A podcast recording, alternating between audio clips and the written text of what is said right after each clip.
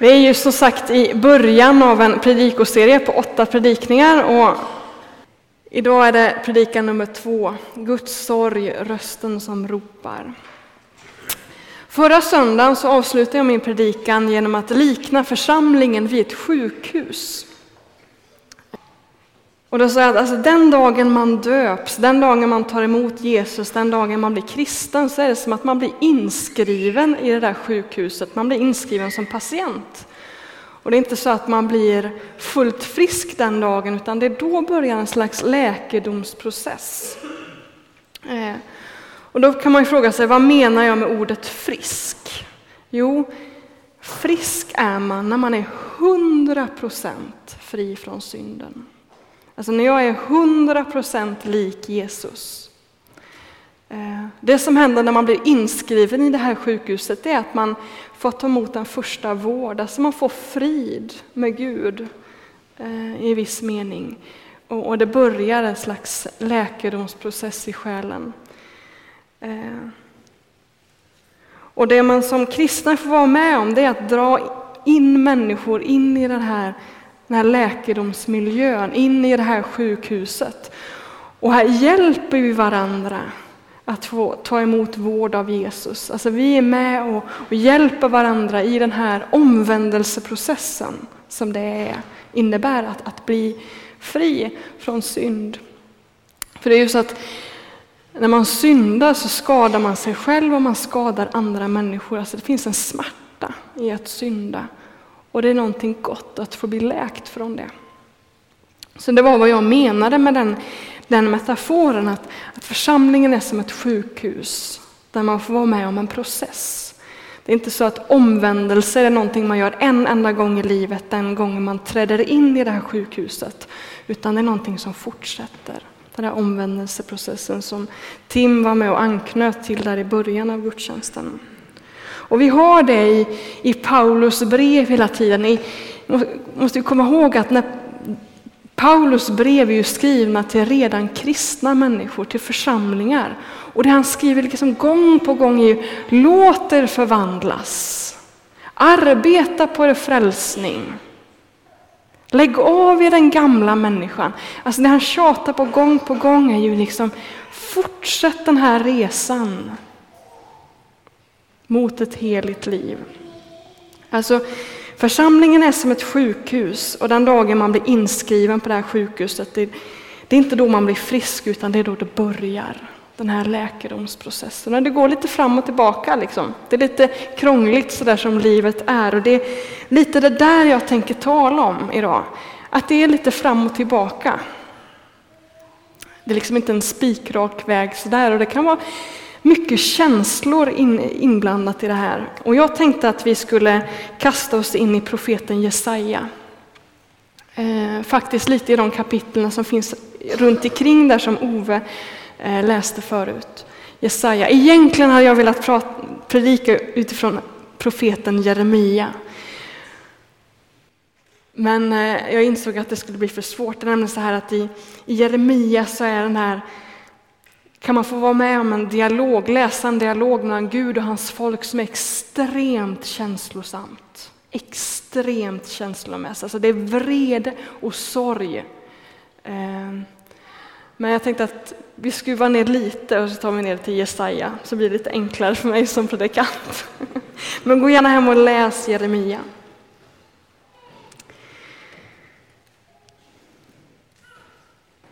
Som sagt i slutet av Jesaja. Och där utspelar sig en dialog mellan Gud och hans folk och en profet.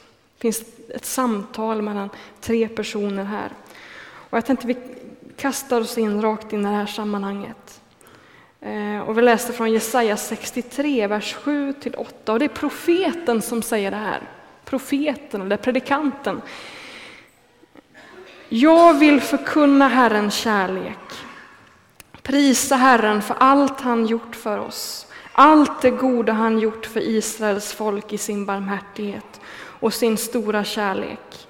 Han sa, det är ju mitt folk, barn som aldrig sviker. Därför blev han deras räddare. Alltså profeten säger, jag vill förkunna Guds kärlek. Jag vill tala om allt det goda som Gud har gjort. Och då syftar han säkert på när Gud befriade Israels folk från Egypten, ur det här slaveriet. Han frälste sitt folk. Eh, och profeten tänker säkert på alla de gånger som Gud förlät folket i öknen. Då de klagade på Gud. Hur Gud liksom tog folket i sina armar och bar dem som mamma. En sån omsorg hade han om sitt folk. Alltid lyfte han upp dem och bar dem, stod det. Alltså Gud är som en förälder som går och bär på sina barn och har omsorg. Har en kärlek det här barnet. Och profeten säger att Gud valde att bli frälsare, här folk, frälsare för det här folket just för att han betraktade dem som barn. Barn som är trogna sina föräldrar som lever i närheten till mamma och pappa. Men så fortsätter texten så här, den tionde versen. Men det trotsade honom och bedrövade hans helige ande. Han förvandlades till deras fiende och han stred mot dem. Alltså det här folket vänder Gud ryggen, de trotsar honom, de vill inte längre leva i efterföljelse. De vill inte längre vara det där heliga folket som Gud hade kallat dem att vara. De vill gå sin egen väg. Och när de inte längre lever i den här efterföljelsen, när de inte lever på den här omvändelsevägen längre, då blir Gud ledsen. De bedrövade hans heliga ande, stod det. Han blir ledsen. Bibeln vittnar faktiskt på en massa ställen om att Gud faktiskt har ett känsloliv. Han är ledsen, han är glad, han är arg. Alltså Gud är en personlig Gud som har känslor. Eh. Och han blir ledsen när hans barn inte längre vill leva i hans närhet, när de går ifrån honom, när de trotsar honom och den sorgen som Gud känner i det läget gör faktiskt att hans barn uppfattar dem som fiender. Vad var det vi läste versen innan här, tionde versen? Den bilden vi visade precis. Han förvandlades till deras fiende, säger profeten.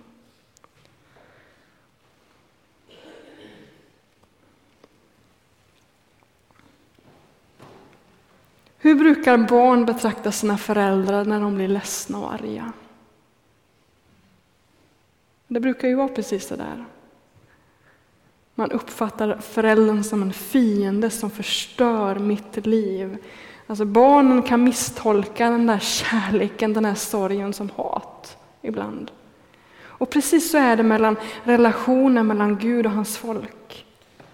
Gud är den här föräldern som upplever sorg när hans folk går ifrån honom.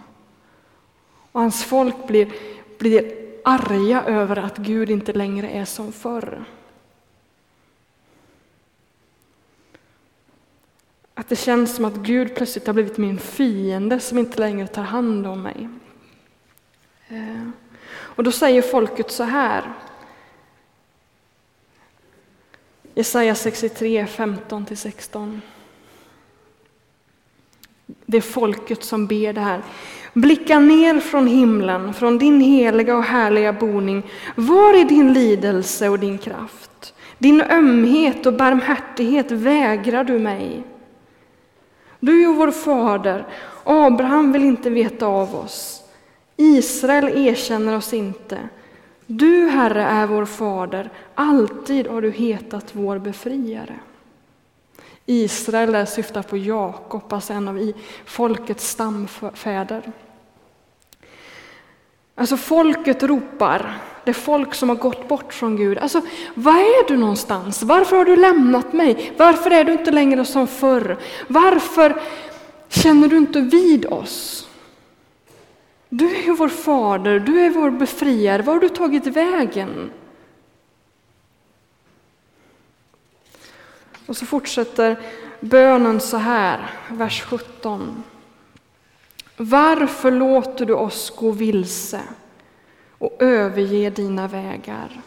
Herre, varför gör du våra hjärtan hårda så att vi inte fruktar dig? Ändra dig för din tjänares skull, det stammar som är din egendom. Den här versen har jag stannat inför så många gånger och haft i min bön. Alltså, varför Gud låter du mig ställa till med så mycket elände? Alltså varför, varför är det inte så att när man liksom studsar upp från dopgraven så blir man liksom helt perfekt? 100% lik Jesus. Varför är det så, inte så att man studsar upp och, och blir liksom en älskande människa till 100%? Varför tillåter du mig att göra andra människor illa? För det är ju vad jag gör när jag brister i kärleksbudet, när jag inte älskar min nästa som mig själv. När jag stänger min hand och inte ger av det jag har i någon slags egoism. Varför, Gud, tillåter du mitt hjärta att vara så hårt? Varför tillåter du mig att gå vilse?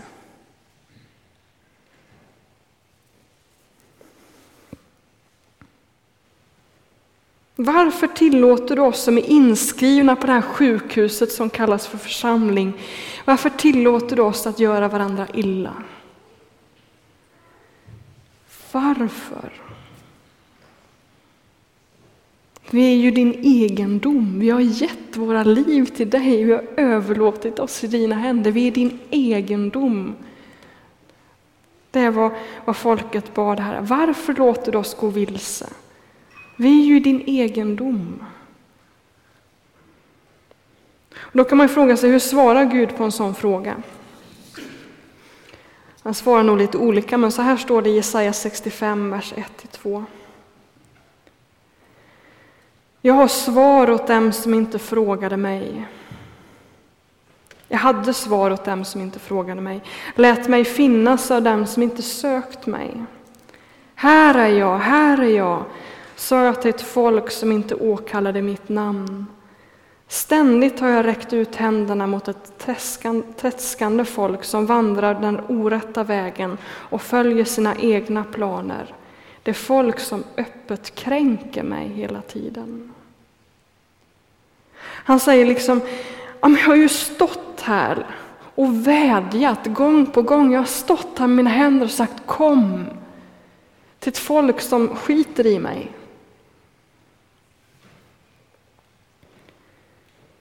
Ständigt har jag räckt ut mina händer, men ni struntar i min vägledning. Ni kränker mig öppet. Alltså smaka på den meningen. Ni kränker mig öppet. Alltså en kränkt Gud, en ledsen Gud, en arg Gud. Vi har ju så väldigt svårt i vår kultur att förstå det här med Guds vrede. Guds vrede. Därför är det många som har svårt att läsa profeterna i Gamla Testamentet, för det finns så mycket av Guds vrede. Och det kanske är på grund av att Martin Luther och kompani gjort väldigt mycket av det här med att vi blir frälsta från Guds vrede. Det finns några sådana verser hos Paulus att, att Gud frälser oss från Guds vrede. Och det är sant i den meningen att vi, vi blir frälsta från straffet, alltså den straffande vreden. Men det finns faktiskt också en fostrande vrede, en kärleksfull vrede. Som vi inte blir frälsta från, utan faktiskt blir frälsta genom. Vi blir, mina vänner, frälsta genom Guds vrede. Så har det i alla fall varit i mitt liv och där kan jag tala utifrån egen erfarenhet. Alltså Gud frälser mig genom sin vrede. När han liksom plötsligt står där i min väg och säger Eleanor, skärp dig! Vad håller du på med? I en slags sorg över Eleanor, Du bara gör dig själv illa.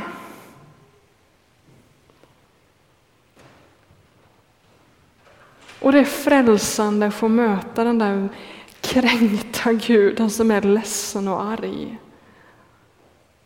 Den Gud som är, faktiskt har ett äkta känsloliv och inte bara är liksom ett rosa luftmoln.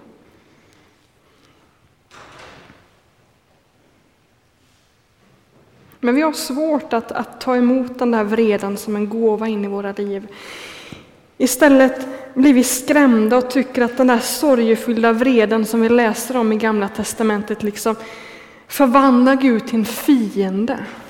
Precis som profeten sa i någon av de första verserna. Alltså Gud upplever man plötsligt som en fiende som är emot mig, som inte är den älskande föräldern längre.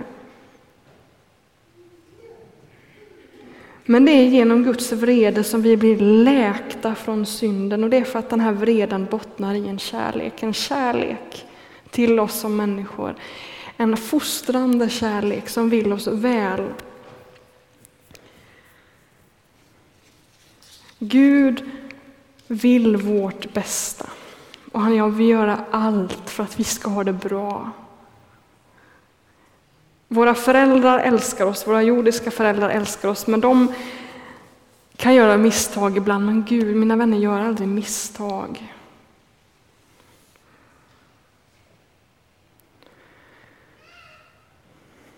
Gud vill ingenting annat än att förbarma sig över oss. Frågan är ju bara om vi tillåter honom att göra det. Så när jag i mina böner frågar, ja men Gud, varför förvandlar du mig inte här och nu och bara liksom vips så är jag hundra procent lik Jesus. Så säger liksom Gud, ja men jag är ju här och vill förvandla dig. Överlåt ditt liv igen i mina armar. Låt dig förvandlas. Det är vad Paulus säger. Låt dig förvandlas. Alltså, överlåt ditt liv igen och igen och igen och igen. Och sen finns det ett annat svar på varför det där tar sån tid, men Gud gör faktiskt någonting när vi ber honom om det. Han står där och räcker ut sina händer till ett folk som inte frågar efter honom. I några av de sista verserna i Jesaja så står det att de judar som, som just gör detta bekymrar sig om Guds ord, står det. Bekymrar sig om Guds ord i kapitel 66. Som, som låter sig bli förkrossade av Guds vrede och sorg. De som bekymrar sig om Guds ord, de får bli Guds evangelister. Guds evangelister över hela jorden. Eh, Gamla testamentet är ju väldigt fokuserat på allt det som händer med Israel och judarna. Men här öppnas perspektivet upp och de säger att de i Israels folk som går liksom luttrade genom den här processen, som, som tillåter Guds ordet förvandla den, de får bli evangelister över hela jorden, Får predika ordet i främmande länder, får tala om Guds härlighet på främmande platser. Och vad säger det till oss? Jo, tillbaka till den här metaforen kring sjukhuset. Alltså, den dagen man blir en kristen, det är inte enda gången man omvänder sig. Utan man behöver omvända sig gång på gång på gång och tillåta sig att gång på gång bli förkrossad. Att gång på gång liksom stå ansikte mot ansikte med den här arga guden. Och det är när man liksom får vara med om det där några varv så man verkligen kan bli en evangelist i den här världen.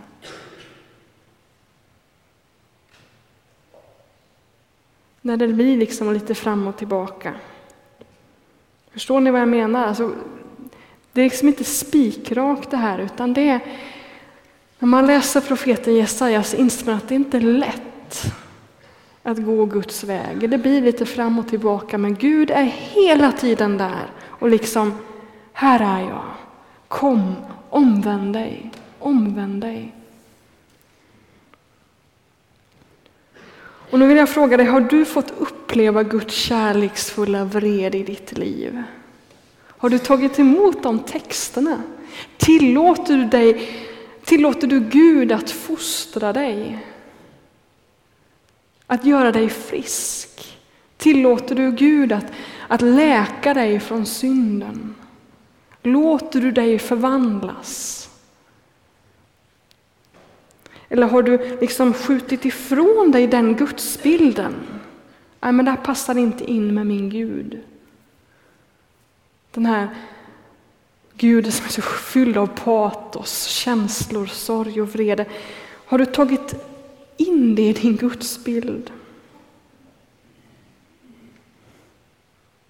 Gud lämnar oss aldrig i sticket om vi har lagt våra, våra liv i hans händer. Och nu ska jag ändå läsa ett stycke från Jeremia när jag märker att klockan är inte så mycket så jag hinner det med. Eh, Jeremia 30 ska jag säga till tolken som bläddrar febrilt där inne.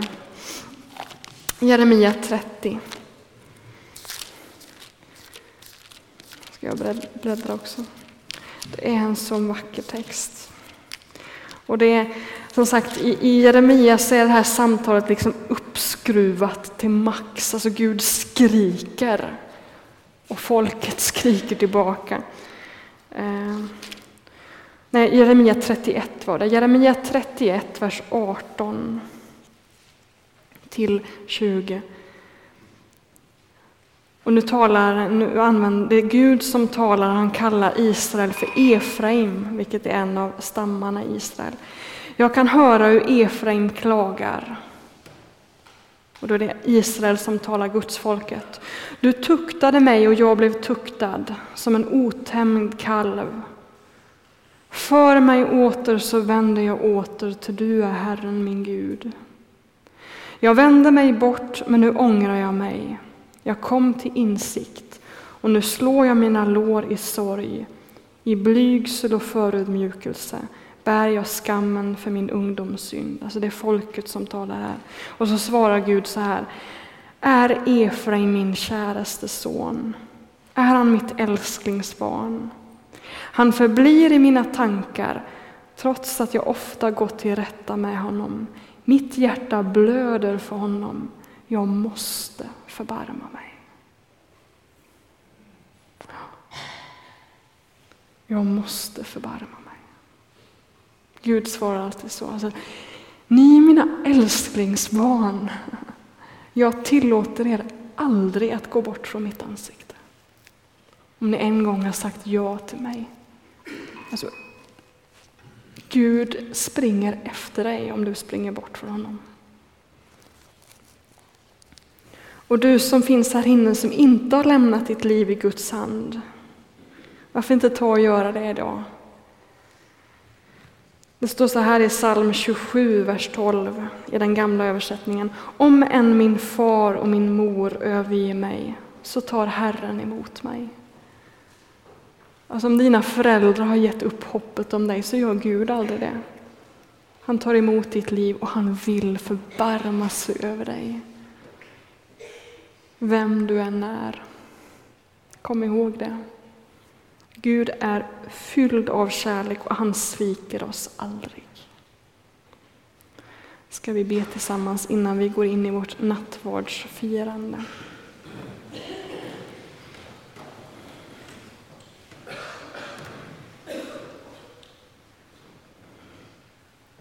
Fader i himlen, vi ska alldeles strax samlas runt ditt bord som din son har berättat för oss. Och han gjorde det i stunden då han visste att alla lärjungarna skulle sticka och lämna honom i sticket. När Petrus skulle förneka, då bara gav han sitt liv för oss.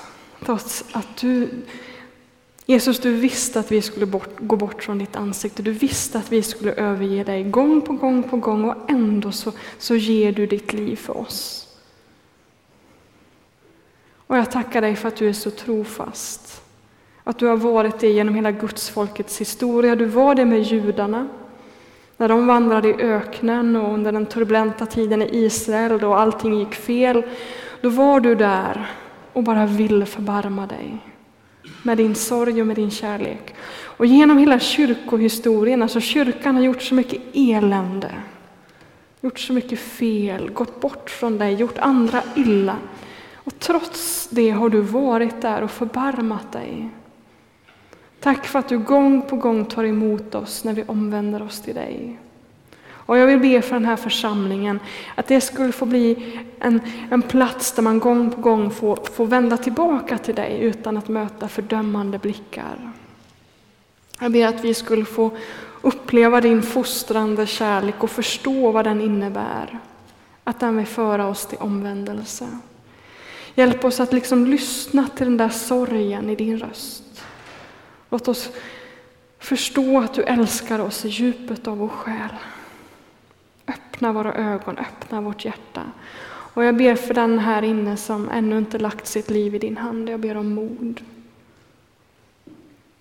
Jag ber att den personen skulle vid, vid nattvardsbordet få, få, få lägga sin, sitt liv i dina händer. Herre, välsigna oss nu. Omvänd oss. Läk oss från synden. Låt det här få bli ett sjukhus där vi vårdar varandra, fostrar varandra, gör varandra till lärjungar. I Jesu Kristi namn. Amen.